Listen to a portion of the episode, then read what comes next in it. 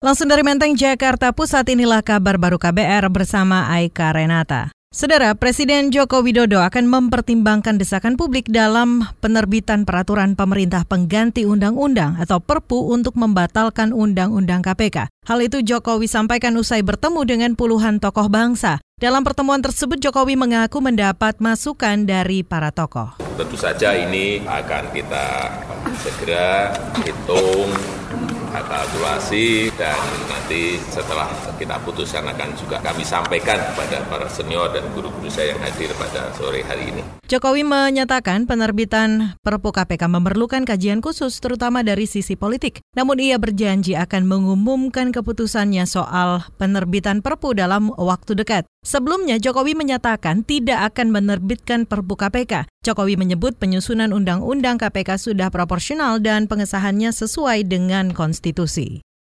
Kita beralih tokoh nasional Ahmad Syafi'i Ma'arif. Buya Syafi'i meminta pemerintah dan DPR lebih peka terhadap sederet tuntutan mahasiswa dan masyarakat Menurut Buya, keduanya mesti paham serta mengajak mahasiswa berdialog dengan baik dan sejuk. Tidak ada perpu, saya tidak tahu ya apakah bijak atau tidak. Ditimbangkanlah, timbang yang baik lah.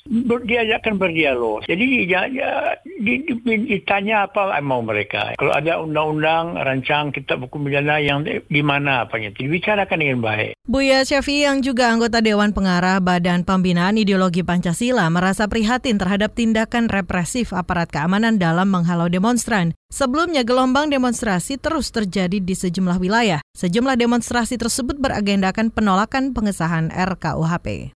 Kita ke satu informasi lain, saudara ribuan mahasiswa dari sejumlah universitas di Surabaya, Jawa Timur menyampaikan tuntutan dalam aksi yang berlangsung di depan gedung DPRD Jawa Timur hari ini. Ketua BEM FISIP Universitas Erlangga, Riza, menyatakan para demonstran menginginkan pemerintah mencabut Undang-Undang KPK dan membatalkan RUU KUHP. Selain itu, Reza menyatakan tuntutan lain mahasiswa di antaranya menolak duwi fungsi Polri, penuntasan penyelesaian konflik Papua, hingga pengesahan RUU PKS. Sementara itu, aksi sempat memanas karena anggota DPRD menolak untuk menemui masa. Kita ke satu informasi dari dunia olahraga, Saudara Wakil Ganda Putra Indonesia Fajar Alfian Muhammad Rian mendulang kemenangan di laga babak dua turnamen bulu tangkis Korea Terbuka 2019. Tampil percaya diri, Fajarian berhasil menyingkirkan pasangan asal Chinese Taipei dengan skor 21-18-21-18. Atas hasil tersebut, Fajarian dapat meneruskan ke babak perempat final turnamen bertemu dengan wakil Indonesia lainnya, Markus Gideon Kevin Sanjaya. Demikian kabar baru dari kantor Berita Radio KBR, saya Aika Renata.